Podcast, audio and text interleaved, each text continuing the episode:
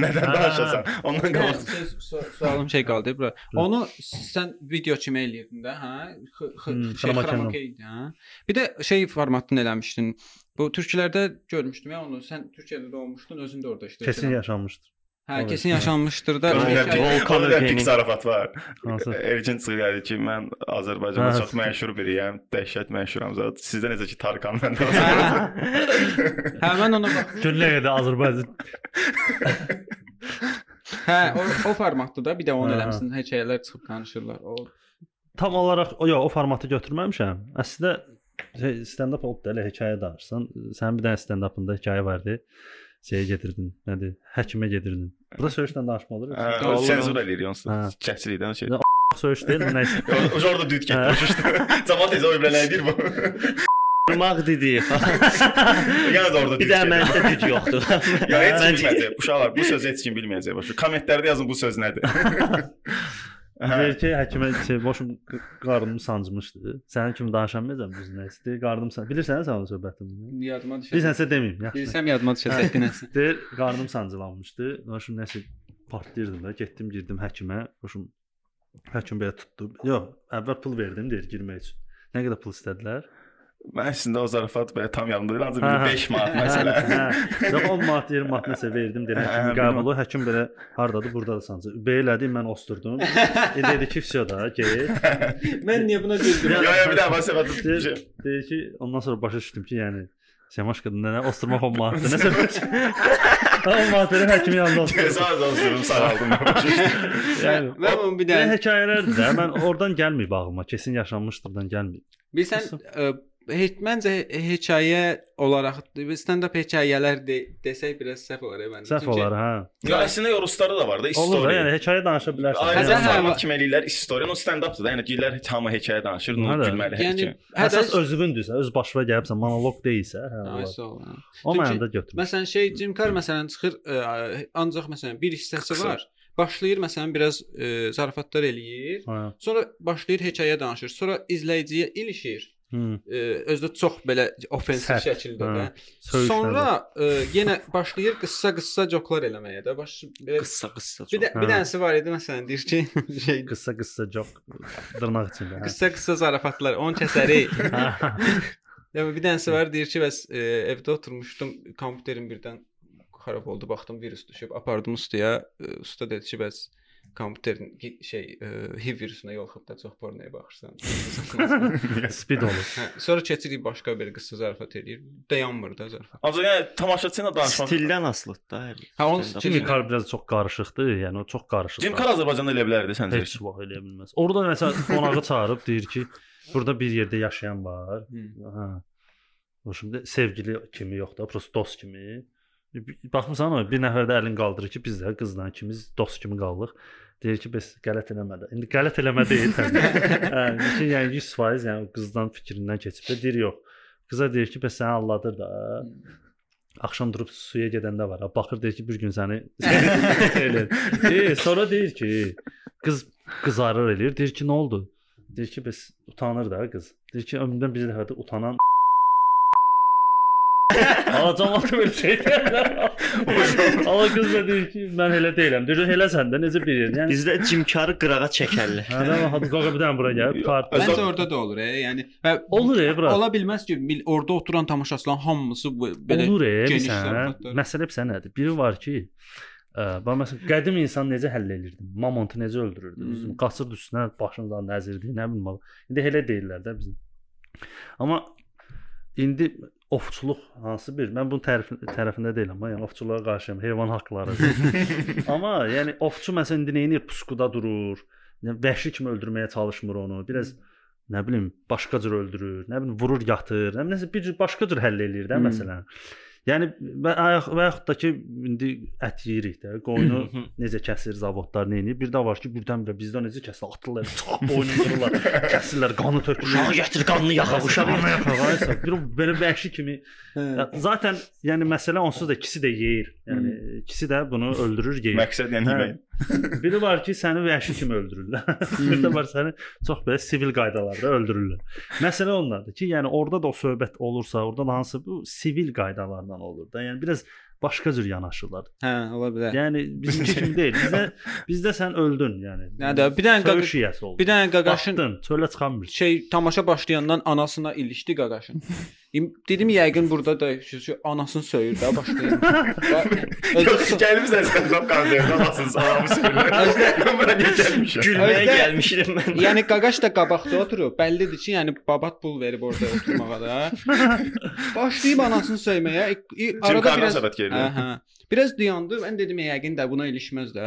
Tamaşanın ortasında zarafatı fırlatdı, yenə onun anasına O gətirdi. osturaq söhbətinə döndü. Ya 300 dollar versən ki, anavı söysün. Özü birinci sırada. İşinə heyvanlardan- pul yığırsan, gedirsən oturursan qabaqda, Jimmy Carr anabı söyür belə şey. Ya, Bizdə məsələn çox şey bir də bir şey var. Bizdə məsələn ümumiyyətlə çox stand-up şeyləri var, belə tam təşkilatları var da, sən ki Hmm. stand-uplar təşkil olunsun və s. amma yeraltı ümumiyyətlə yoxdur, hə mənim bilən. Yəni, Azərbaycanda yəni ümumiyyətlə Biz özümüz eləmişik, sahillə də olub eləmişik. Belə də. E, sahil de, dedi onu da bu barədə də Hmm. danışacaqdım. Yəni ki, yeraltı stand-up olsa bəlkə də bu şeyləri senzurasız şey zarafatları və s. daha çox görə bilərik, offensiv zarafatları. Biraz bilirsən, biraz da maliyyə, nə olsun yer altıdır. Buna biraz da maliyyə lazımdır. Biz bir dəfə eləmişdik. Əslində biz çox eləmişik. Bir dəfə də yadıma gəlir şeydə sarı qapı, sarı qapıda Onda hə, onda biraz Söyüşdü, zatdı, hamısı da heç 318 plussuz zatsız. Mən oradaydım, baxmışam. Hə, Sizlə. hə, normal da paylaşmışdım. Hamını da hissə-hissə kəsib paylaşmışdım. Hə. Amma hə, orada okey. məsələn çəkiliş pis idi deyə mən onu silmək məcburiyyətində qaldım. Düzdür, stand-up yaxşı idi. Yəni elə uşaqlar vardı ki, biz siz o sizin özünüz də çəkmisiniz. Yəni ki, gülmək. Yəni eləsi vardı ki, heç bizdə uşaqlar gülmürdülər ona, amma maraqlı idi. Hmm. Məsələn İskəndərin danışdığı çox da gülüş götürmədi, amma maraqlı idi. Onu da paylaşmışdım. Yəni hekayə maraqlı idi. Yəni. Yəni Də- stand-up'ın şeyi də o sıx deyil də, hə, hamı cırılsın hə, gülməkdən. cırılsın Hə, gülmək. ha- Əsas Hamı ideyadır. Əsas nə bilim sənin özünsən, nə bilim maraqlı olmalısan. Mən o temanı tam tuta bilməmişəm. Bax, maliyyəsi olmadığına görə eləmək olmur. Hə. Dave Chappelle izləmisən də bir ki. Oturdum, baxdım O adam texnikası əjdahatdır yəni stand-up. bu adam mən ümumiyyətlə mən belə başa düşdüm Amerikanlılar tamam başqa şeylərə gülürlər də. Yəni bunu bilirdim ey onsuz da. Yəni hər bir ölkənin öz mizahı var, bax və s. Yəni Onların öz oyunları var. mən, Hə, hə. məsələn Ricky Gervais-yə dəli kimi gülürəm. Yəni hər bir Dəhşət. dəqiqəsində gülürəm. dəli kimi. Hə. Həqiqətən Normal güldə. Louis-yə də gülürəm, nə bilim. Hə, hə. A, Baxıram ki, amma Dave Chappelle yəni mimik mimikamı oynatmır da, amma izləyici elə bir hər dəfə gülür, alqışlayır. Mən başa düşürəm e, nə deyir, amma nəyə güldüklərini başa düşmürəm. Məndə də olur. Mən məsəl üçün ə, eyni şey Jimmy Carr-da məndə baş verir. Mən Jimmy Carr-a gülmürəm. Amma maraqlı gəlir, axıra qədər də baxıram. Yəni deyim ki, sənə harasındasa bezirəm, amma gülmürəm. Yəni heç mimikam da tərpənmir. Elə belə baxıram və bu mənə xoş təsir Bağışlayın. bağışlayır. Yəni adam var ki, mən gülmədim. Allah gülmədim, maraqlı deyil yazdı heç olmasa. Və gülmədim bu sənin şəxsi problemin ola bilər və yəni adam gülməyə gəlməyə bilər, zövqünüz üstə düşməyə bilər. Maraqlıdırmı, maraqlı deyilmi? Mənə maraqlıdır. Maraqlı olmasaydı və adi məsəl üçün e, bayaq sual verdi Jimmy Carr Azərbaycanda şey eləmək olar. Onun alternativi mən düşünürəm ki, Rusiyada Nurlan. Sabirov eləyir və hətta Nurlan Əjdahadır. hə ondan da gö Şey, götürdü. Götür özü də bir kostyumla çıxışma. Hə, hə. Yəni ondan götürdü çox şeylər var da, stildən götürdü. Hətta o birinci birinci çıxanda bilmirəm yazıya gəlir yox, tamaşaçıya daha çox ilişirdi. Hə, Yəni gətirmək olur. Düzdür, tam onun kimi eləmir, amma Biraz Rus versiyasını Rus verir də, Rusun hə. qəbul edəcəyi Bir də şey. bu amma mən Nurlana gülürəm, yəni onu demək istəyirəm. Amma Jim Carr Rus bizə daha yaxındır da bəlkə. Nurlana Rus olar. zarafatları. Sən dəli kimi gülürəm sən deyən. Şey çətin deyil. Məsələn, sən televiziyada da Hə. çıxış eləyirsən də, məsələn, hər həftə təzə hekayə, hər həftə təzə bir şey, hər həftə, hər həftə, hər həftə. Yəni stand-upçı üçün qəlic deyil, zarafat tap çıx yenə. Çətin televiziyada çətin olan şey nədir? Birincisi, e, sən məcbur olursan müəyyən şeyləri danışmamağa. Söhbət tək söyüşdən getmir. Mhm. Məcbur olursan ki, çıxırsan tamaşaçıya baxırsan. Mən məsəl üçün o verilişdə ən çox belə qanımı qaraldan şey orada tamaşaçı idi. Çox nadir hallarda olurdu ki, nə bilim bir 100 nəfərin içində bir 50 nəfər yaxşıdır.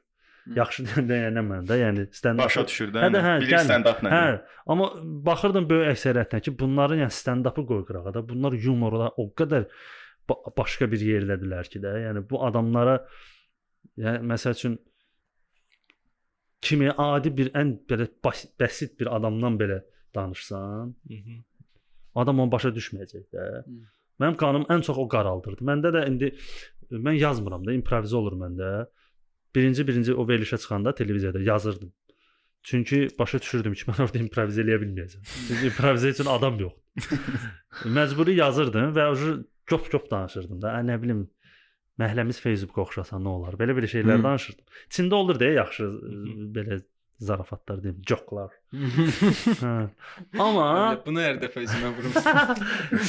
amma amma ya özünə vurum versiz şeydə orada jokes pokus. Jokes pokus, Hə. Mən də arada elə işlədirəm. Bu arada Jokesbox kanalında Bungapını izləyirsiniz. Canlı deyil, e, bura. Yenə də izləyirlər də. Yəqin. Hə, hə. Demək orada ən böyük çətinliyim o idi. Ona görə yazırdım. Sonra artıq yazmamağa başladım. Hardasa birdən 4-5 verilişdən sonra improvizə danışırdım.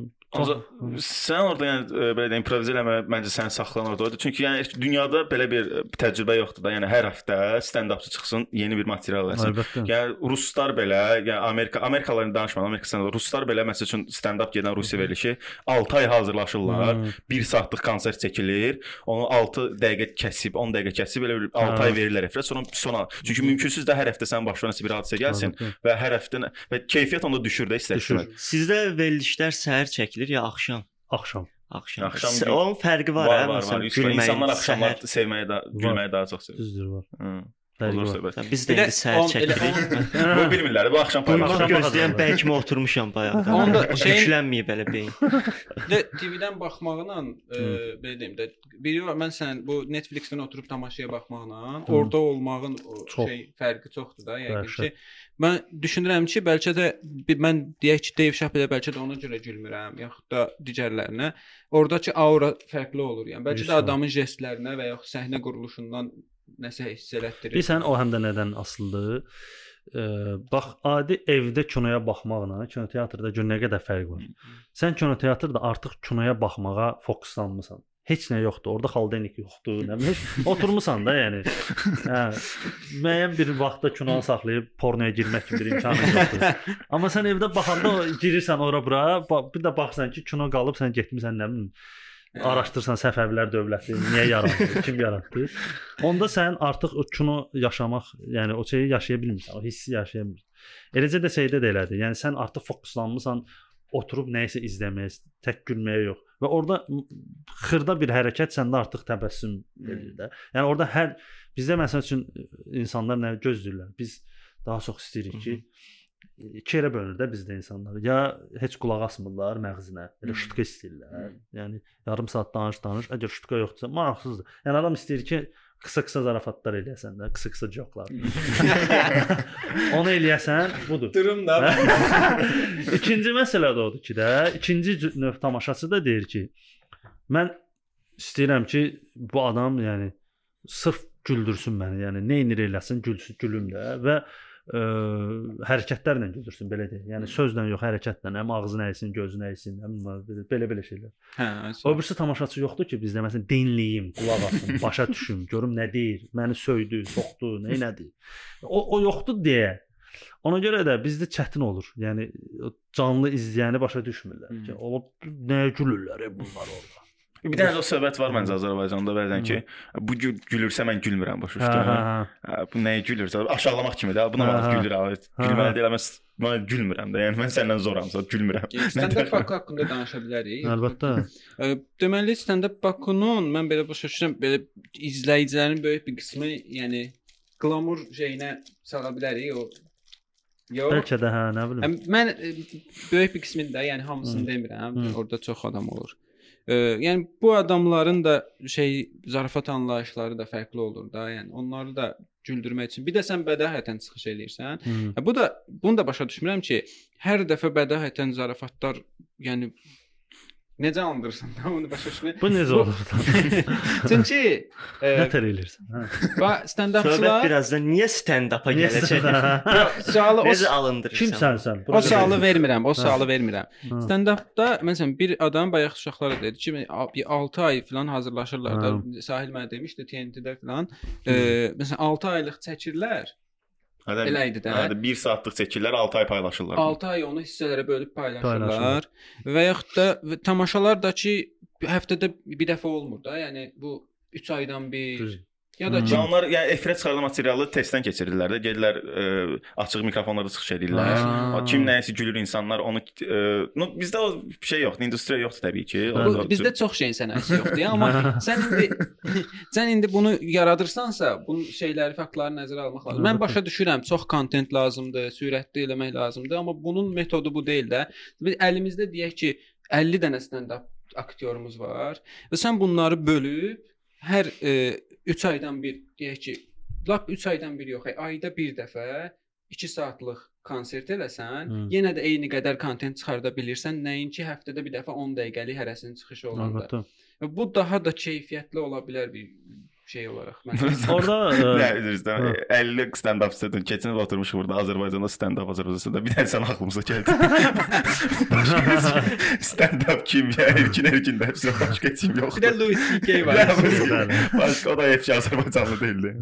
Bəlkə də yaxşı Azərbaycanlı deyil çünki şeydir. Erkimiz var. Ha, Parad. Hə, Fərda. Fərdə xuda verir. Hə, Ancaq Azərbaycanda O stand-up çəkməyə çəkindi. Fəqan var. Adam bizə səhnəsinə kimi birəbir kopyalayır. da yəni. Fərdanı da kopyalayan var da, Fəqan. Vay bilə. Getdikcə gedir dibə doğru gedir. Mən də Fəqanı kopyalayıram. Cem, Cem Yılmazın şeyi, Fəqanın şeyi, Fərdanın şeyi. Fərda, Fəqan. Bir də Fəhmi var bizim məhəllədə çıxır. O da Fəqanı ko- kopyalayır. Heriflərdir da. Ay, eləyiblər.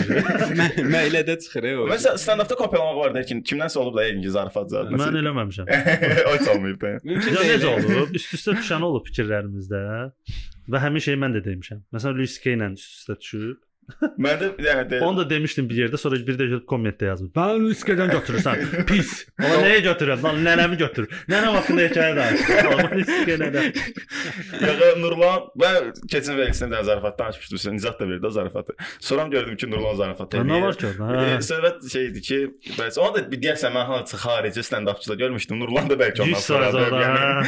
Çünki mövzu odur ki, Yılmazda da var. Gör götür Vallahi. dünyası da. Yəni Ədə istərsəniz ki, o, o da var. Ancaq baxırsan nəyəsə, şüuraltı sən beynində qalır, elə bilirsən ki, sən bu fikirləşmirsən. Hə, o da olur. Düzdür. Ancaq bu belə deyil, də, sən bu Hmm. fikirləşmirsən. Yox, mövzu odur ki, mən heyvanlardan düşmüşəm söhbət. Onun üçün stand-up'a qalmışdı zarafat. Nəsə danışıram. danış. Deyir ki, bəs e, məncə deyir heyvanlar ət yeyənlərdən çox zoofillərə daha çox hörmət eləyir də. Çünki heç bir heyvandan soruşmamış, daha sən. Bəlkə Nurlan da demişdi. Hə. Hə, Amma onu başqa adam da deyib, düz deyirsən. Başqa stand-upçı da da. deyib. Hə, ola bilər. Çünki bir sən hansı stand-updandı o? O şey, o şey kim demişdi? Ə, şir National Geographic-dən niyə? Hə, sən o həyatı. sarfatı sən də şey eləmisən. Hə, o sarfatı mən demişəm. Demisən. Çünki mən uşaqlıqda həmişə fikirləşirdim. Sən biraz başqa cür danışmışdın necə? Mən biraz başqa cür danışmışam mən. Bilirsən necə? Bəzən eyni şeyi izləyən adamlarda eyni fikir, təəssürat formalaşır da. Məsələn mən uşaqlıqda yəni ki e, çox adam izləyib də heyvanlar aləmində. Həmişə mənə maraqlı gəldi ki, bunlar həyatını çəkirlər də, bu cinsi həyatını çəkirlər, hər şeyini çəkirlər də. Düzdür, indi heyvandır. Bir tərəfdən baxanda deyirsən ki, heyvandır. Amma hər halda ondan da bir cinsi həyatı var da. Və düşünürəm ki, yəni bu biraz gülməlidir də. Yəni sən nə nəyə lazımdır şirlərin?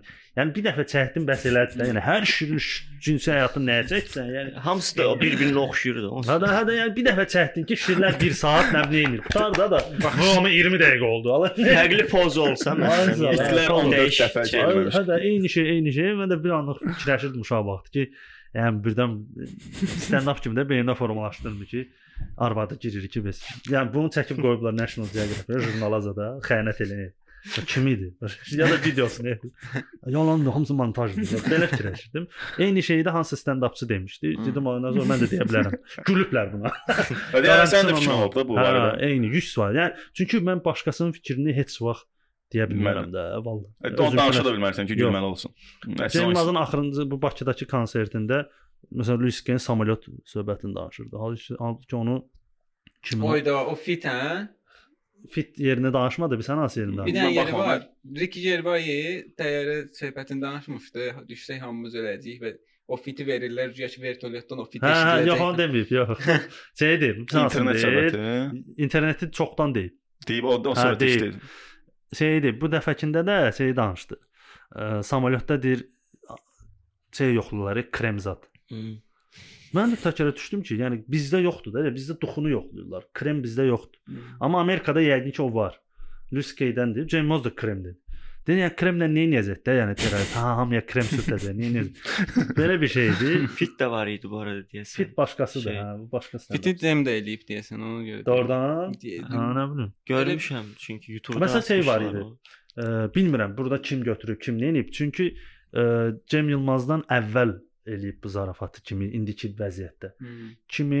2012-də Cem Yılmaz eləyib, 2011-də də şey Russell Peters. Cem Yılmaz baxırsa o deyərsən də bizə sən o Şey, yoxdur. Fa Faruq Eczanəçi söhbətini Hmm. Russell Peters eləyib də.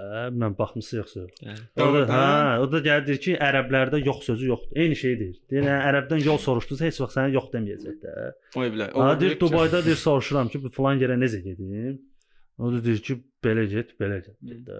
Gedirəm şey nədirlər o? Tupikdə. Gələm ki, bəs tupik onda gözlə. Belə Necə amma? Yəni heç vaxt yox demir. Bilmirəm apa? Hə, bilmirəm demir. Eyni şeyi prosta indi paylaşılma vaxtlarına görə Cem Yılmaz on, ə, ondan əvvəl görsənir. Gör Cem Yılmaz eləyib kimi görsənir. Amma mənim fikrimcə Russell Peters çoxdan danışıb. Ola bilər. Prosta indi paylaşdığı yəqin o deyilmiş. Bir şey soruşmaq istəyirəm səndən. İndi biz də stand-up-a çıxacağıq, bir ön təcrübə olar. Bəli. Məsələn, heç olub çıxmısan konsertə, çox da güvənirsən də zarafatlarına. Danışırsan, danışırsan, sakitçilikdə baxırlar, Hı. gülmürlər. Olub. Çox Və o necə bir hissdir? Məsələn, biz indi çıxdıq Baxır səhnəyə, yəni. başımıza gəlsə necə tamaşaçıya aşağı baxır.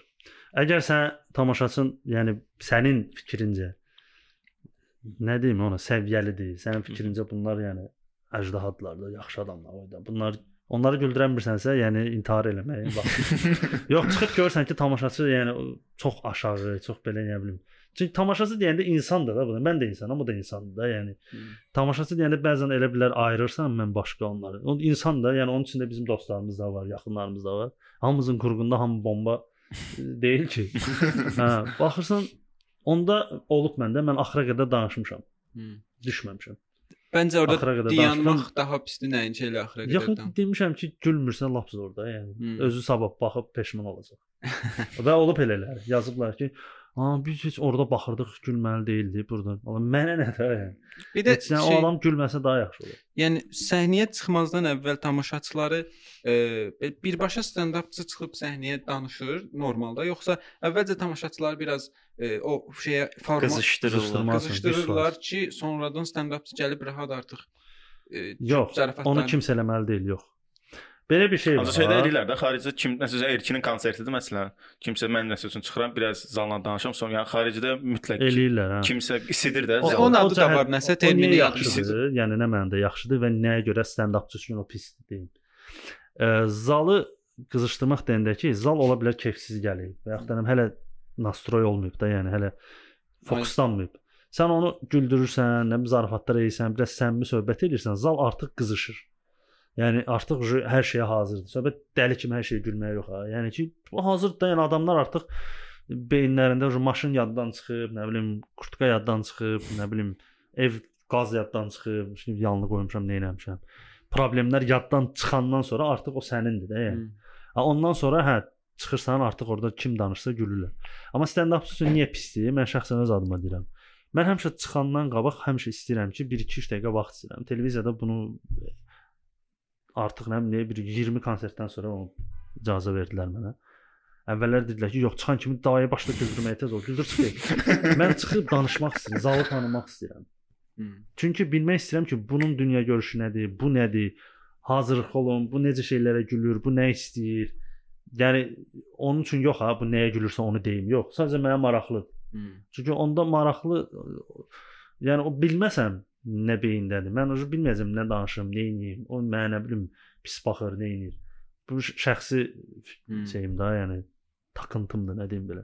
Ta- Tamaşaçının prosta belə biraz yenə deyim. Onda sən burada həmin işi özünə eləyirsən, Hmm. e, biraz qızışdırıb sonra şey əsl materiala keçirsən. Tanımaq istəyirəm də. Çünki əgər o əvvəlcədən zal qızışdırılanda mən onu tanıya bilmirəm zalı. Zal Ancaq bir dənə söhbət. Ruslar Razaqrevdir də, bayaq deyirdin onun zadı Nə Razaqrev. deyirlər? Razaqrev, yəni istir. Qızışdırma. Hə. Məsəl üçün o, o tərəf üstünlüyü odur ki, məncə, məsəl üçün bax səndən məsəl üçün hamı Erkin konsertinə gəlib. Elçin çıxıb əvvəlcədən danışır da və hamı hamı ucu artıq Erkini gözləyir. Elçin danışır, daha da həvəskar ki, Erkin çıxsın, Erkin Hə, çıxsın hə. və Erkin çıxanda istəməsə bum olur da, yəni ki, Hə, Erkinə görə gəliblərsə və Erkin dank çıxır səhnəyə, Elçindən Hı. sonra. Hə, elə elə bir şeydir o da Hə, zaten. 100% ya özün eləməlisən, qızışdırmalısan ya da ki, kimsə Ya belə düşün Razaqrev eləməlidir. qızışdırana daha çox gülürlər sən. Olub belə şeylər də olub məncə. Olub. Ümumiyyətlə hər bir stand-upçının həyatında olub məncə ki, çıxıb səhnəyə və heç kim gülməyib. Yəni hamısını. Mən bir necə deyim də, stand-upda mənim ən çox problem, yəni mənim üçün pis olduğum şey gülməmək deyil. Ən böyük problem elədiyim şey başa düşülməməkdir. Hmm. Yəni mən ondan əziyyət çəkirəm məsəl üçün. Yəni o məni daha çox incidir və məncə də dünyada da belədir. Yəni məsələn Louis Gay çıxıb ona gülməsələr vecinə olmaz ki, çünki hər dəqiqədə bir gülmürlər də ona hər saniyə. Amma o fikrin başa düşməsən, ona qulaq asmasan, dinləməsən. Çünki adi belə bir şey var da stand-upda.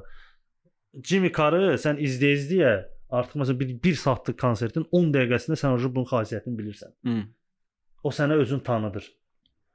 Sən artıq onu tanıyırsan, bütün xarakterini mənimsəyirsən, ondan sonra artıq sən Jimmy Carra gülürsən. Onun ideyalarına Hə. gülürsən ki, o bu dəlidir. Hı. Ay da bu burada belə eləyib. Məsələn adi Louis Kane zarafatını indi desən gülməli olar, amma sən orada onu izləyə-izlə orada işləndə, yəni orada yəni izləyə-izlə əvvəldən işləndə adam cırılır da gülməkdən ki, Allah bu bunun bu elə, bu eləyə bilər də onu. Hı. Deyir ki, məsəl üçün mən deyir şeyi, nədir? Masturbasiyanı silah kimi istifadə etmək istəyirəm də. Evet. Ha, deyir, məsələn liftdə belə dayansan, o adam orada soruşur ki, bu havalar deyəndə top vurum üzünə də başlayır.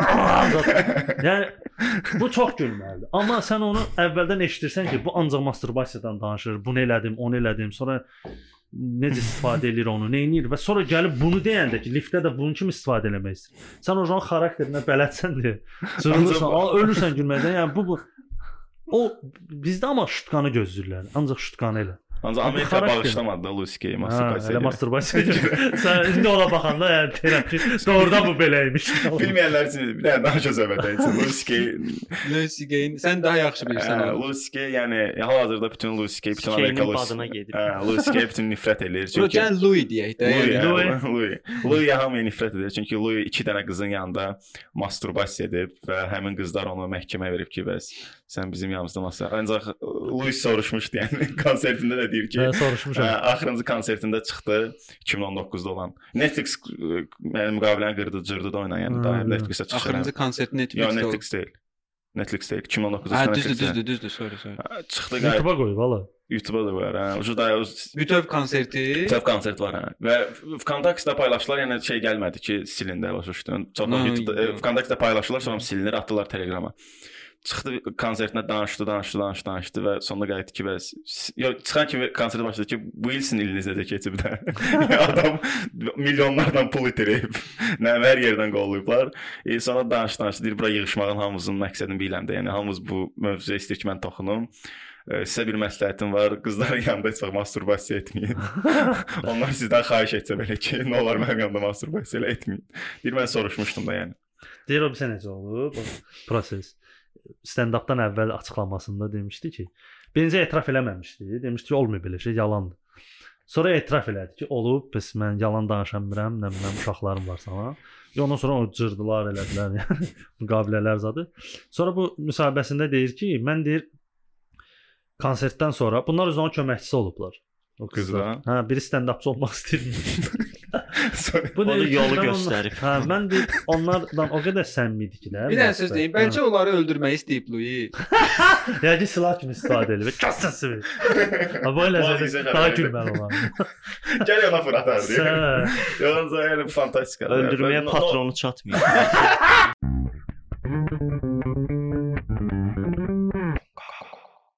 Yox, qızdan da olmaq istəyir ki. Hə, bu qızlar onun yanındaymış da. Bu deyir ki, mən deyir onlara dedim ki, bəs eləyə bilərəm. Onlar da belə mən elə bildim onlar istəyirlər. Elə şey. London.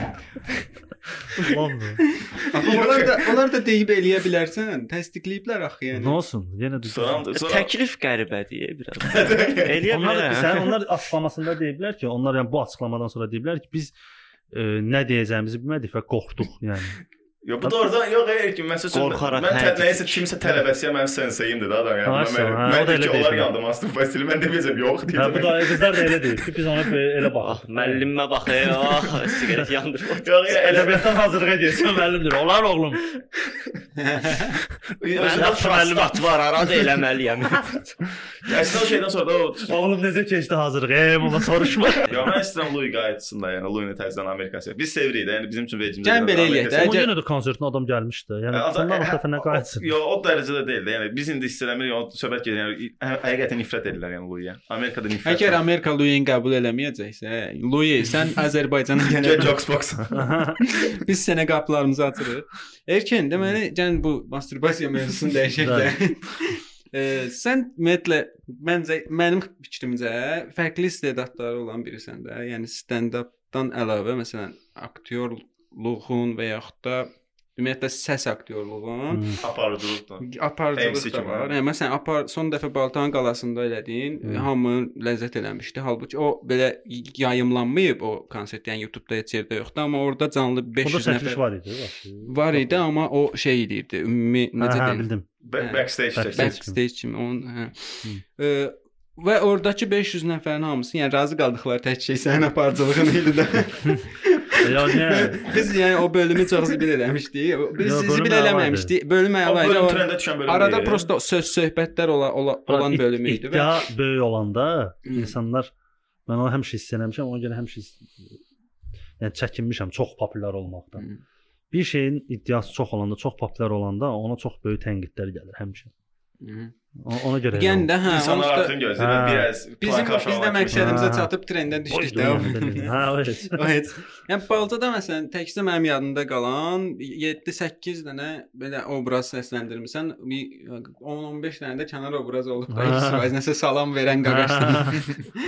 Və e, yəni səs aktyorluğun məncə yüksək səviyyədə var ki, bundan yaxşı istifadə eləyə bilərsən və e, digər stand-upda da yəni məncə yazsan əgər bu bədahətəni qoyub qırıq həqiqətən həqiqətən də yəni elə bir şey olar ki, səni çox maraqlı çəkər və sən düşünəsən ki, hə mən bu platformaya hazırlaşıb da çıxacağam. da məncə yəni. Və yəni de, de, həmin platforma pul verir ya və yaxud da sənə elə bir şans verir Həm rahatlıq, həm pul. ya, yaxşı tamaşaçı verir ən azından başa düşdün.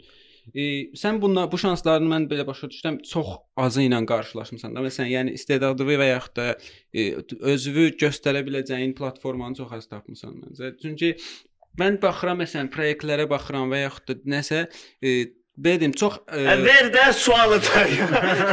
nə qışqırırsan, necə səsin qulağımı deşir. Sən bizim səsimizə eşidirsən. Sənə İşte ikinize eşitdim. Qışqırma bura. Edəm, edəm, edəm. Amma Heç nə. sənki gedir. İkimizinki də ona. Məndə də gəldi. gedir səs. Ha, 200-cü gəlir. Eşitsən. özü çox təmiz Amma eşidir. bunlar eşitmir. Əzrə qulaq asmaq istəyirsən. Oy, bu nə soç çüçülüyor.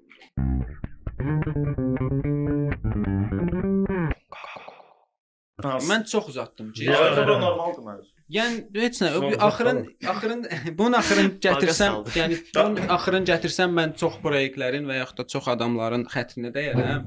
Yəni amma e, sənin iştirak elədiyin və təşkilatçılığın o qədər də yaxşı olmadığı çox şey bilirəm və sən də buna əlin məhkum olub və yaxud da necəsə və yaxud da sənin yaxının olub şans, yəni ona kömək üçün iştirak eləmisən. Hı. Belə şeylər ümumiyyətlə sən çox kömək eləyirsən insanlara. Buna birazdan girəcəm bu. Oradan ona danışmışıq heç. Yəni bilmirəm nə, nə düşünürsən bu haqqda belə danış da biraz.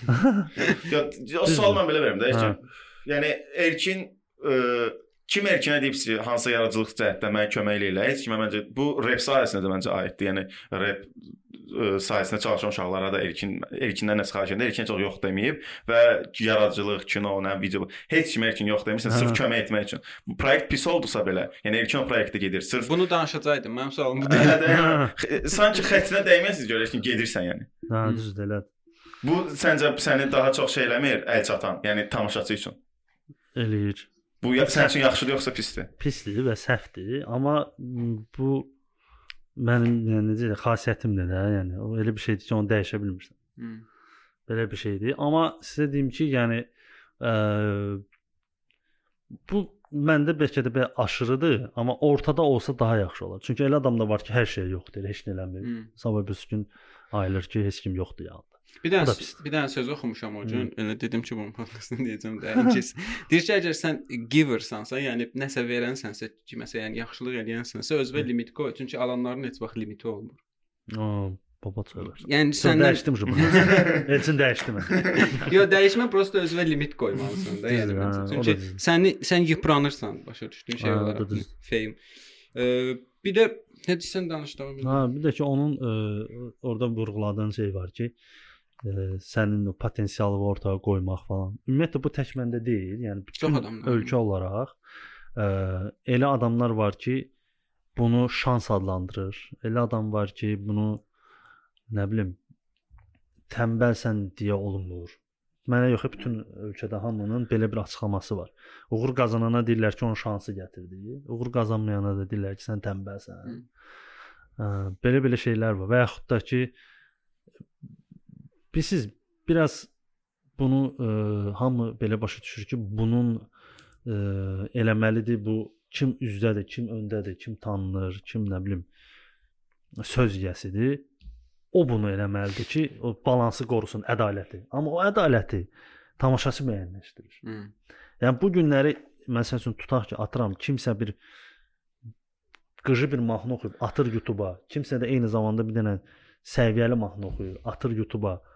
Burada ikisi də eyni vaxtda atırsa, heç birisi də tanınmırsa sıfırdan, bu da tanınmır, o da tanınmır. Atırlarsa, öbürsü daha tez populyarlaşırsa, bu onun şansı deyil. Elə şey ola bilməz də. Yəni eyni gündə atmasa bunun şansı gəlsin də.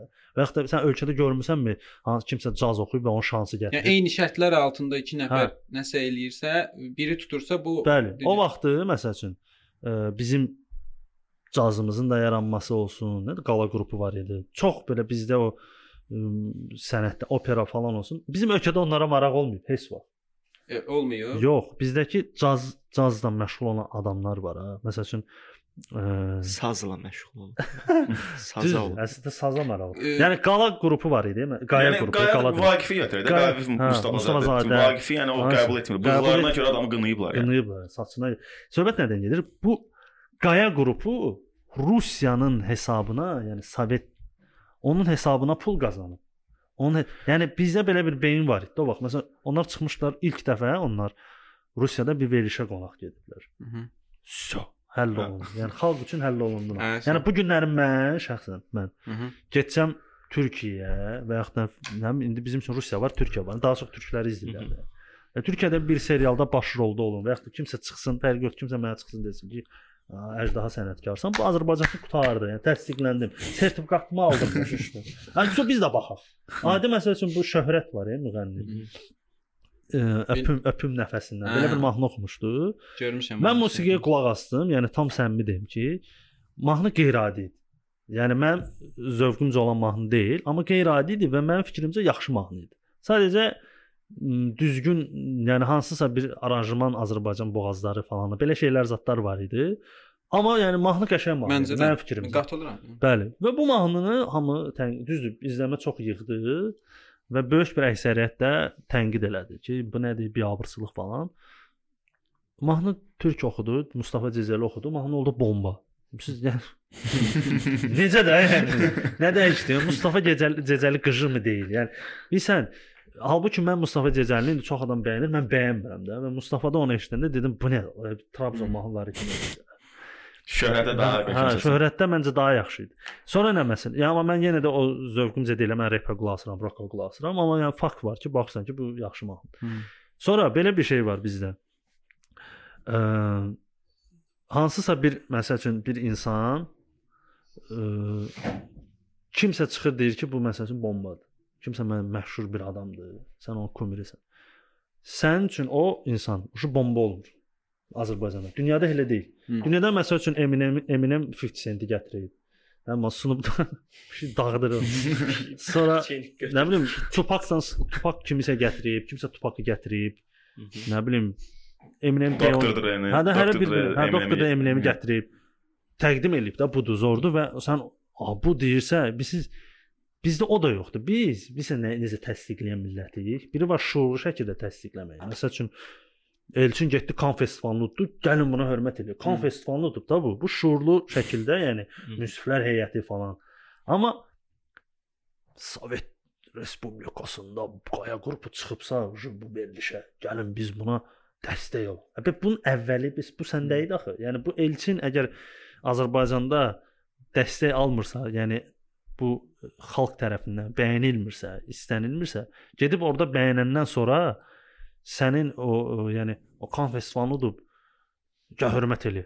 Söhbət sənə də olmur. Söhbət ondan olmalıdır ki, yəni sən, biraz o hörmət məsələsində insanlar şuursuz şəkildə eləyirlər bunu bu iş. Hmm. Fərdi yanaşmırlar. Fərdi yanaşmır da. Məsələn tutaq ki, e, fikirləşirsən ki, "A, bu kofta qəşəngdir. Düzdür? Baxırsan ki, "A, həm də məsəl üçün tutaq ki, falan firmadırsa, deməli lap keyfiyyətlidir." Hı. Amma bizdə necə düşünürlər? Bu falan firmadır, gəl geyinim. Ala niyə geyinirsən? Bax gör xoşuna gəlir, gəlmir, bəyəndin, bəyən. Yox, da bu falan. Baxırsan, mənim bir dostum var idi. Fransada yaşayırdı. Hardasa bir e, 2003-cü ildə köçdü, bizim məhəllədə qalırdı. Məhəllə öbürsü məhəllə. Köçdü Fransaya. 2008-də zətdə bu gəldi. Mən universitetdə oxurdum onu. Çox qıjınski geyinmişdi. Dedim, "Ola bu nə geyimdir? Al dərsən bu Fransada belə geyinir." Dedim, "Ala Fransada qıjı yoxdur." Yəni necə bir ölkədir olar? Sən gəlib qıjını tapmısan da yəni. Yəni, Hə yəni, yəni ona görə də biraz insanlar o qərar verərkən o qərarlar çox şey həll edir. Eləcə də o keyfiyyətsiz layihələr olsun, nə bilim o o şans məsələsi deyil. Sadəcə sənə dəyər verən kimdir? Haradır? Bu günləri sən stand-up'ı bu gün Azərbaycanda eləyirsən, okey. Amma get məsələn İraqda elə, Suriyada elə məsələn. Bilmirsən axı onlar nəyə gülürlər, nə edirlər, zövqləri nədir? Baxırsan məsələn mən İrandakı stand-upçılara baxırdım, deyirdim ola belə şey adam gülər. Çox şit deyirlər. A, babe, çox belə şeylər yazırlar, çox şitdir. Orada Azərbaycanlılar demirəm, amma farsları deyirəm. Hı. Yəni baxırsan ki, o deməli orada da o orada da mənim kimi düşünənəm, sənin kimi düşünən batıb da bildiniz. Yəni Bizdə çoxsa biraz çıxa bilir. Hə. Asıblar. ümumi belə Təqdimin asıblar. tə- təbliğat Deməli desən asıram. təbliğatdan asılıdır da. Yəni belə deyim, əvvəl, yəni Sovet vaxtında, deyə sosializm dövründə dövlətin təbliğatı çox önəmli idi də. Var idi, bəli. Yəni, yəni ki, nə bilim gəlib rayonlarda sinema yaratmaqları, nə mən eşitmişəm atam uşaqlar O vaxt Bəli. mənim atam deyir ki, biz film çıxanda qaça-qaça gəlirdik, yerli filmlərə, Bəli. səyyar sinemalarda baxırdıq və s. Amma indi həmin adamlar qaça-qaça getmir. Niyə getmir? Mən onu deyim. Bax, Sosializm dövründə bu e, dem dövlətin təbliğatından asılı idi. Əgər sən siqaret yandırdın acaba yandır onu danışaram. Vafli yeyən şey vafli yeyir. Hə. Yəni o dövrdə sən dövlətin əlinə məcbursan da sinemanı və yaxud da digər bu şeyləri dövlət təşkil eləyir və yaxud da Bəli. filmi də dövlət maliyyələşdirir Bəli, və s. İndi kapitalizm dövrüdür və burada yəni bu təbliğatı artıq sənin belə deyim də şey yönəldir. Sənin mara insanların sənə marağı yönəldir və yaxud da bu öz özünə formalaşır, hətta biznesmenlər formalaşdırır. Dövlətin burada minimum rolu ol- olur artıq kapitalizmdə. Yəni ki, e, burada da o, Ədalətsizlik olar da, yəni sırf %100 öz rolunu göstərsin. Yox ancaq səviyyəli olsun, biraz ədalətsizlik olur. Hə. Ya onun üçün də indi deyirlər, ey, məsələn, millət nə izləyir, onu göstəririk və s. Məncə burada e, yəni deyir, yenə deyim, formalaşdıran, zövqü formalaşdıran, e, yaradılan işlər, göstərilən işlərdir. Yəni keçən dəfə bunu O e, demişdim. söhbəti var. Yəni Hə, yəni deyir ki, sən insanlara nə göstərdiyini, e, sən insanlara göstərmədikcə onlar nə istədiyini bilmir. Bilmir, aysan. E, sən bunu gətirib belə şəkildə qoyursan qabaqlarına. Bu da yoxdur, baxır. Hmm. E, bu Üzr istəyirəm, sözünü kəsirəm. Belə bir şey başıma gəlib mən bu video bloqerların biri ilə atışırdıq Facebook üzərindən. Ya bu sən çəkdiyin zibilli yoxdur, sənin nə dəxli var falan. E, söhbət şeyə gəldi ki, cəmaət buna gülür, mən də bunu çəkirəm. Hı. Mən də dedim ya cəmaət zooparkda meymuna da gülür. Hmm. Kim idi? Hüseyn Nəzoğlu. Hə. Nə vaxt spor eləmisən onunla? Heç kim Çoxdan 2-3 il əvvəl. hə, lap çoxdan olar yəni. Axırı da yaxşı deyil. axırı deyirsən. Bizim üçün yaxşı deyil. Yəni e, cəmaət buna gülürsə ya nə bilim cəmaət bunu dinləyirsə, bunu eləmək məcburiyyətində deyilik də. Deyil, amma belə bir şey var. Yo da. məcburiyyət nə deyirsən? Pul qazanmaq. İki cür e, yol var da belə deyək. Bunlardan biri odur ki, sən cəmaət nə istəyirsə, onu verirsən. İkincisi, sən istədiyini elə eləyirsən ki, cəmaət ona maraq göstərsin. Yəni bu çox çətindir birincisi. Çünki birincisi üçün sən gərək orijinal olasan. Yəni dünyada da belədir də bu. Məsəl üçün dünyada adi müğənnilərə baxırsan ki, məsəl üçün bu kütlə üçün oxuyur, milyardlarla baxışı var. Baxırsan, məsələn, Çeyzat var, deyəndə Gangnam Style zət məsəl üçün tipli mahnılar, həm çox idi, elə tipli mahnılar çox. Dünya üçün işləyir və bunlar dünya nə istəyir? A, bu mahnılara qulaq asırlar, bu ritmləri xoşdurlar. Bunu bunun üçün də işləyən professional adamlar olur ki, cəmaət bunu istəyir, bunu istəyir, bunu istəyir. Verirsən gedir. İkinci tərəfi odur ki, biz zövq formalaşdıracağıq. O çətin tərəfidir. Məsələn bu gün Steve Jobs, yəni onu daxil edən odur ki, adam zövq formalaşdırır. Çünki ondan əvvəl cəmaət nə xoşdurdu? Nokia. Hmm. Halbuki mən Nokialar məşhur olan vaxtı knopkalı belə işləyən şeyli, knopkasız olan telefonlardan işlədirdim.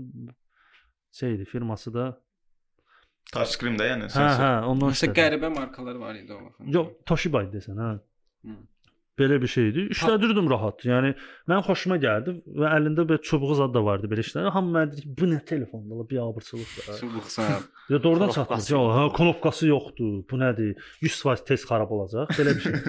Amma Steve Jobs bu zövqü formalaşdırdı və indi kimdəsə knopkalı görəndə deyirsən ki, bu nə? Qıjırsan. yəni belə bir şey var da. Hmm. Halbuki bunun knopkasız, yəni çoxdan kəşf olunmuşdu. Eləcə də məsələn selfie eləmək kimi bir adətdir. Halbuki biz həmişə telefonu belə çevirmişik, çəkmişik də. Yəni nə olsun burada kamerası yoxdur. Sonra qabaqdan kameralar da çıxdı. O elədiyimizin adı yenə selfie deyildi. Amma kimsə bunu trend eləyir, Evet. kimsə dilə salır, zövq formalaşdırır. Rihanna dilə salmışdı selfini Doğrudan. Hə, yəni Son Fayqa Qayıbımdan şey var. Selfinaz olsun Azərbaycanlaşdırır. Fərqi qaybın. Kim söhbət edir? Fərqi Fərqi mı? demişdi. Yo yo yo. Kim fikir o bilərək şey. Kim selfinaz olsun sonra konsert ilə konserti var. Konsert olsun. Yəni dediyim odur ki, bu ikisi də düzgün yanaşmadır, ikisi də. Hmm. Yəni kütlə nə istəyir verməyə və falan. Amma iş Hüseyn Əzizoğlu olsun və yaxud da kim olur olsun da bu ölkədə deyirsə məsəl üçün ki, xalq nəyə gülür onu çəkirik. O insanlar hə, özləri də bilirlər ki, çox professional yanaşa bilmirlər bu məsələyə. Çünki bizim xalqın nə güldüyünü araşdırmaq üçün, yəni kifayət qədər kinolar var, tamaşalar var. Əvvəllər də gülüblər də, yəni qədimdə çəkilən bizim tamaşalarımız var. Oradan çıxıb ortalığa sən bunu eləyə bilərsən. Məcbur deyil ki, sən ancaq məsələn başım divara vururam gülürlər. Bu asandır da, başa düşdün? Asandıdır. Çünki biz də mən də çox vaxt mən özüm həm ssenaristəm də, yəni hansısa bir serialı yazanda eləyəndə bilirik ki, xalq buna gülür. Çünki oradan pul qazanması və bu kommersiyadır. Bu pis deyil. Yəni sən xalqa əgər pis şeyə güldürürsənsə, yəni baxırsan ki, xalq buna da gülür, buna da gülür. Hə, bu asandır ki, bunu eləməyirsən, orada sən səhv edirsən. Və asanda qaçdın Hmm. Və xalqı nə zəhərlədin. Ya Amma xalqın yaxşısını da tapa bilərsən də. Söhbət. Amma ikincisi var ha, o mən dediyim hansı ki, zövq formalaşır. Onun üçün sən çox istedadlı olmalısan, çox nə bilim fərqli olmalısan. Yəni o başqa bir şey. Ancaq o, o birislər də unudulur da ki, yəni bu tə- təkcə Hüseyndən söhbət getmir də. Hə. Ümumi bu Vinerlər, e, güldürmə sırf gülür buna güləcək deyilən Çünki Vinerlər orijinal deyil. və 10 ildən sonra yəni indi gülürlərsən, okey, sən trenddəsən, ancaq 10 ildən sonra sən qalmayacaqsan da. 100%. Bax mən məsəl üçün olub ki 2 il heç nə eləməmişəm, konkret heç nə eləməmişəm, də heç status da yazmamışam. Amma yenə də yadda qalmışam da. Hə də hə. Bilirsən bu nədən gedir? Yəni mən özümü əsla tərifləmirəm. Mən sadəcə məqsədimi demək istəyirəm ki, hansı məqsədi çalışmışam eləyim. Orijinal olmaq. Mhm. Yəni bax məsəl üçün balta siz çəkirdiniz də. O orijinaldır. Amma cəmaət onu başa düşmürdüm. Yəni xərcdə falan multik olmur. Həm bilirsən o multik çoxdur da. Yəni biz başqa multik eləyə bilərdiniz də siz düzdür. Başqa cür çəkə bilərdiniz. Bunlar sadəcə biz bu zövq bunu istəyirik. Başa düşdün? Məsələn Rəvanın yazdığı ssenarilər yəni heç mən bilmirəm Rəvan bunu iddia edir ya yox. Mən şəxsən deyirəm ki, çox da güclü deyildi. Amma bir dəsti xətti var idi və oranın idi. Hı. Yəni Baltanın ssenarisi idi də bu. Başa Ya da başqa heç yerdə yox idi. Başqa heç yerin deyildi. Onun Baltanın idi. Şutkalar var idi orada ki, məsələn durkalar var ki, hansı ki onu bəlkə də hansısa nə bilim Vaynerdə eləyib nə vaxtsa ki, nə bilim adi şeylər var da başım getdi başsızdır falan beşim. Amma o xarakteristika uyğun gəlirdi. Hətta orada məsəl üçün tipajların nə bilim bir xasiyyət. donub qalmağı hansısa şutkadan sonra falan şey. Bildin nə demək istəyirəm? Yəni Kontrast yaradır da bir yerdə. bir-birinə. Sən yəni bu orijinallıqdır insan, yəni insanların yadında qalan. Balta, nə bilim axır dəfə nə vaxt çəkmisən, amma hamını görsən beynində var. bu o söhbət var. İndi indi trenddə olan hansı gülməli nə Vine olsun olsun 1-2 ildən sonra yadda çıxacaq. Balta 2 il etsənəməsi yenə də balta qalacaq. qalır yadda. Çünki orijinaldır. Amma öbürsülər təkrardılar, təkrardılar, təkrardılar və bu gün deyənən kimi yaddan çıxırlar. Ha, Unudulurlar və heç vaxt bilmirsən ki, belə özün geriyə baxsan görərsən ki, o qədər Azərbaycanda Viner olub ki, yaddan çıxıb. Desən, "A, yadıma düşdü." va-" Heç kimin də yadında deyil. Düşə-düşə gedir. Ya indi bəs məqsədin orijinal olmaqdır. Yəni bunu səncə Hə. bacarmısan? Yəni Yox, bacarmamışam. Tədricən az. Hə də müəyyən qədər Ha. çalışırsan, amma hələ ki məncə o şeyi tam O- olaraq onu o- niyə eləyə bilmirəm? Çünki qıraqdan çox maneələr var. Hı. Yəni adi insanlar tərəfindən. Necə? İnsan, bax məsəl üçün adi. Mən özüm istədiyim şeyi istəyirəm də insanlar gülsün. Hı -hı. Yəni mən amma gülsün, nəm düşünsün, fikirləşsin, qulaq assın. Mən istədiyim şeyə. Yəni mənim zövqümdə insanlar olsun. Hı. Amma bizdə insanlar elə başa düşürlər ki, mən sırf elə istəyirəm hamını güldürüm. Hə. Ha, bu videoya baxdım mən gülmədim. Səni istəmirdim axı. Sənətən Səni istəmirdim. Vallah sən baxıram profilinə, deyirəm Quran haqqı, bax Allah haqqı, nə istəyirsən? Səni istəmirdim mən. Yaxşı ki gülmürsən. Vallah səni. hə istəmirdim. hamını güldürə bilməzsən. Adam var məsələn pessimist adamdır da. Girirsən pro, mənim məsəl üçün tənqid edən adamdır. Adi belə gic-gic tənqid edənləri çox baş qoşmuram ki, onsuz da baxıram ki, tənqidindən tutursan ki, bu adam yoxdur da həyatda. Baxırsan ki, tutarlı bir şeyi var da, məsəl üçün. Yəni məsəl, hə, hansısa bir fikir var, amma fikir eləyirsən ki, bu orijinal bir fikir deyil də. Bu 100% oturulub girirsən profilə ki, adam pessimistin dibindədir. Hamı istəyir. pisdir, mən yaşamaq istəmirəm, nə bilim, ha, Lüboy şeyin altından baxsan kommentinə ki, Ancaq Qaraqan dinləyir falan. Depressiv. A, söyür kimisən, həm baxırsan ki, güya bu səviyyəlidir, məsəl üçün. Bizdə belə bir şey var axı, səviyyəli olmağın 5 yolu da, başa düşdün. Dostoyevski kitabı arxada, skripka şəkilləri, klassika. A, ki, sən bunu istəmirsənsə, eləmə, brat, məcbur deyilsən. Yəni Mozart Mozart'a qulaq asmayıb da, başa düşdün? Öz-özünə qulaq.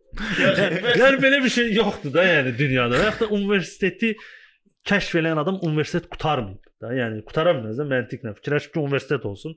Adam universiteti qurtarmaya bilər. Yaxud da oxusa ilk tələbəsi ola bilər. Yəni tənqid tənqidçiləri dünya yəni hər bir dövrdə qınayıblar da. Tənqid tənqidçilər həmişə şey olub da. Yəni Qınanan olub. buna. qınayan yazıçılar zad o vaxtlar məsələn. Az çox Yəni inkişaf qəbul olunmur da, Əsl tənqidçi çox inkişaf elətdirib. Yəni tənqid tənqid inkişafı aparır, yəni belə aparır 100%. Məncə. Baxır tənqidçiyə. 100% yox da. Tənqidə. Baxır tənqidçiyə. Baxır tənqidə, baxır tənqidçiyə, baxır 100%. proyektə, yəni belə. 100%. Bilirsən niyə? Biri var ki, hamının gördüyü, hamının bildiyi şeyləri çıxırsan, sən də deyirsən, Hı. oturursan yerində. Bu heç nə həll eləmək deyil. Mən sənə gəlib bütün gün problemimi deyim ki, sən bax gec durursan, falan şeysən. Bəs hamısını deyim sənə. Nə olar sən ürəyin sıxılacaq və məndən zəhlən gedəcək ki, bezizim ala hər gün eyni şey. Hı. Demək, Amma bir də var ki, mən gəlirəm sənə çıxış yolu üçün sənlə bir yerdə, sən ağıl göstər. Yəni ikinci növbədə odur ki, mən sənə ağıl göstər. Sən bunları bunları eləmə. Sən kimsən mən ağıl göstər? Düzgün yanaşma deyil. Bir də var ki, yəni tənqidçi adam psixologiyanı %100 yaxşı bilməlidir. İnsan psixologiyası. Çünki bu adamın təsir elədiyi adamlar birbaşa canlı orqanizmlər. Danışa bilən, düşünə bilən şuurlu insanlar. Sən bu insanlara, yəni biz tutaq ki, nəyisə tənqid eləyirsənsə, nəsə haqqında e, fikrin varsa, nəsə haqqında sənin bir çıxış yolu demirəm, amma mütləq çıxış yolu.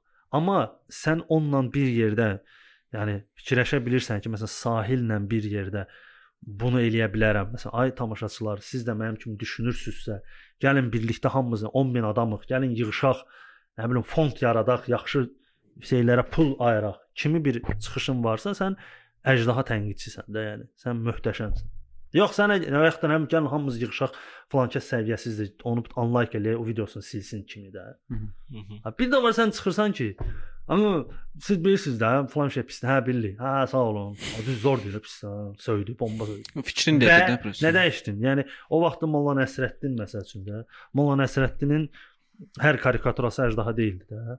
Nəsə təsir eləyənmirdi, amma təsir eləyən karikaturaları var idi. Reallığı göstərən var idi ki, hansı ki, yəni söyüşdü zatdı, baxırdın ki, hə. Amma bir də var, məsələn, orada bir karikatura var ki, qadınlardır. O vaxtda Bakıda qadınların o otaqda pəncərə olmurdu. İki də qadın yolla gedir belə çarşabda, e, baxırlar ki, a ona bax, yəqin onlar varlı adamın arvadıdır, onların pəncərəsi var. Or o da pəncərədə türmənin pəncərəsidir. Hı. İşte, yəni türmənin belə pəncərəsi var, yəni E, e, tutulan adam belə hansısa bir haransı görmə azadlığı var. Bunun yoxdur. Bu yəni bu izah istəyir təbii ki də, o heç. Amma bu elə bir tənqiddir ki, yəni bu sənə göstərir ki, sən artıq başa düşürsən ki, hə, mən qadınımı, yəni türmədəki adamın belə mənim qadınımdan hüququ çoxdur da. Bəlkə məndən heç olmasa pəncərə açım evdə. Başa düşdün? Nəsə bir çıxış yoluna zəmin göstərən bir babat bir tutarlı bir şey. Həm də indi şey var ya, hamı hamıya ürək istəyəni deyir. Haysa. Sonra deyir şəxsi fikrim. Şəxsi fikrimdir. Çox ən zəhləm gedən şey. Mən həmişə sarkazmdan o şeyi yazıram. Çox adam tutmur. Şəxsi Bu mənim şəxsi fikrimdir. Özdə hörmət eləmək məcburiyyətində səndə deyir e, sonunda. Aha. Aysa. Mən bu yaxınlarda e, bir nəfər şərh yazmışdı. Yazmışdım ki, mənim e, eqom yoxdur. Da necə yoxdur eqosuz insan olmur. Yəni bir çox dərinə getmişdi. də. Elə bilmişdim o məndə deyirəm. Halbuki yəni mən də sonra yazdım ki, yəni xalqdakı olan eqodursa o məndə yoxdur. Yenə başa düşmədi. Eqosuz insan Wikipedia zad atdı mənə ki, bax Google oxu, oxu gör eqo nədir. Oxudum. başa düşdüm ki, yenə haqlıyam. Demək məsələ nədir? müəyyən bir e, mentalitetdə xarakterlər var ki də, yəni bu tənqidə də öz nə, nə deyirlər onu? Təsirini eləyir tənqidə də. Tənqidçiyə də, video çəkənə də, blogerə də, xalq nə istəyir onu veririk də, sən deyən kimi necə? Və yaxud da ki, sponsordur. Ha, bəli odur. yəni xalq nə istəyir onu veririk fikri və yaxud da nə bilim ə, mən söyəcəm falan kəsi heç kimdən qorxmuram, nə bilim. Bu kino pisdir, belədir. Bu ə, hamısının içində sintetik mən fikirləşəndə sintetik ego var. Azərbaycanın özünün özündən öz aləmində yaratdığı bir ego anlayışı var. Ego insan doğulandan artıq egosu var. Bu təbii ki mümkün deyil. Düzdür, o ego uşaq olanda artıq valideynlər tərəfindən də biraz formal idarə olunur. Tam özündə olmursan. 18 yaşından sonra artıq bu sənindir, də, sərbəst. 18-17-nin fərqi yox. Və sən bu egondan, məsəl üçün, empatiyadır, egodur. Bunlar müəyyən bir balans şəklində sənin içində formalaşır. Yəni yüksək egon olub sən empati qurmağın artıq azalır və yaxud da yüksək empati hissin varsa, eqonu artıq azalır. Yəni bu psixoloqların işidir, o heç. Bunu daha dərin baş salmaq. Amma mənim fikrimcə bizdə sintetik bir ego var. Bu bir sintetik ego bilirsiniz nədir? İnsan egosu həqiqi, yəni egosu çox aşağıdır. Empati hissi yoxdur. Bir növ bilirsiniz nədir? Yəni bundan fərqsiz fərqi yoxdur da. Yəni heykəldir, amma beyni var. Danışa bilir, yemək yeyir, belə də qıraqdan idarə olunur başqaları tərəfindən və içində belə yersiz bir ego. Bu mənim şəxsi fikrimdir. Ə, hansı? hansı? Bunun axı başqası deyil.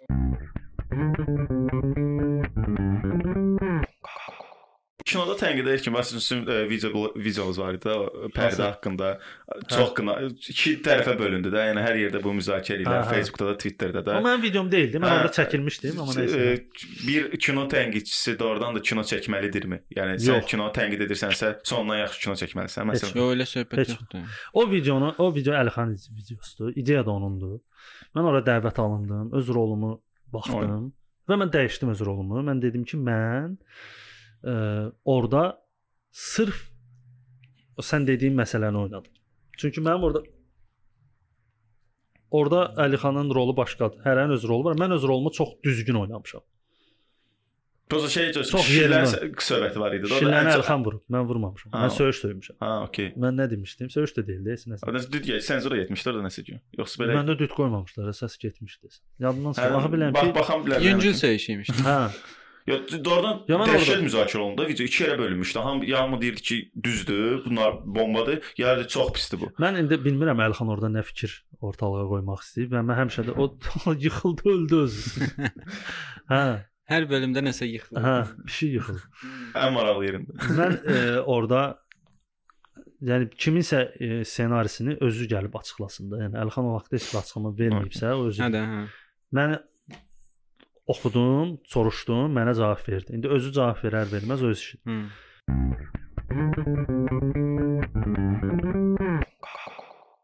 E, deməli uşaq dostlar yavaş-yavaş yekunlaşdırırıq və bir də demək istəyirəm ki, kommentdə e, deməli biz yenə yarışma keçiririk. Kommentdə ən yaxşı zarafatı yazan e, istənilən mövzu haqqında da ola bilər və yaxud da e, podkastın içindən hər hansı bir mövzu seçə bilərsiniz.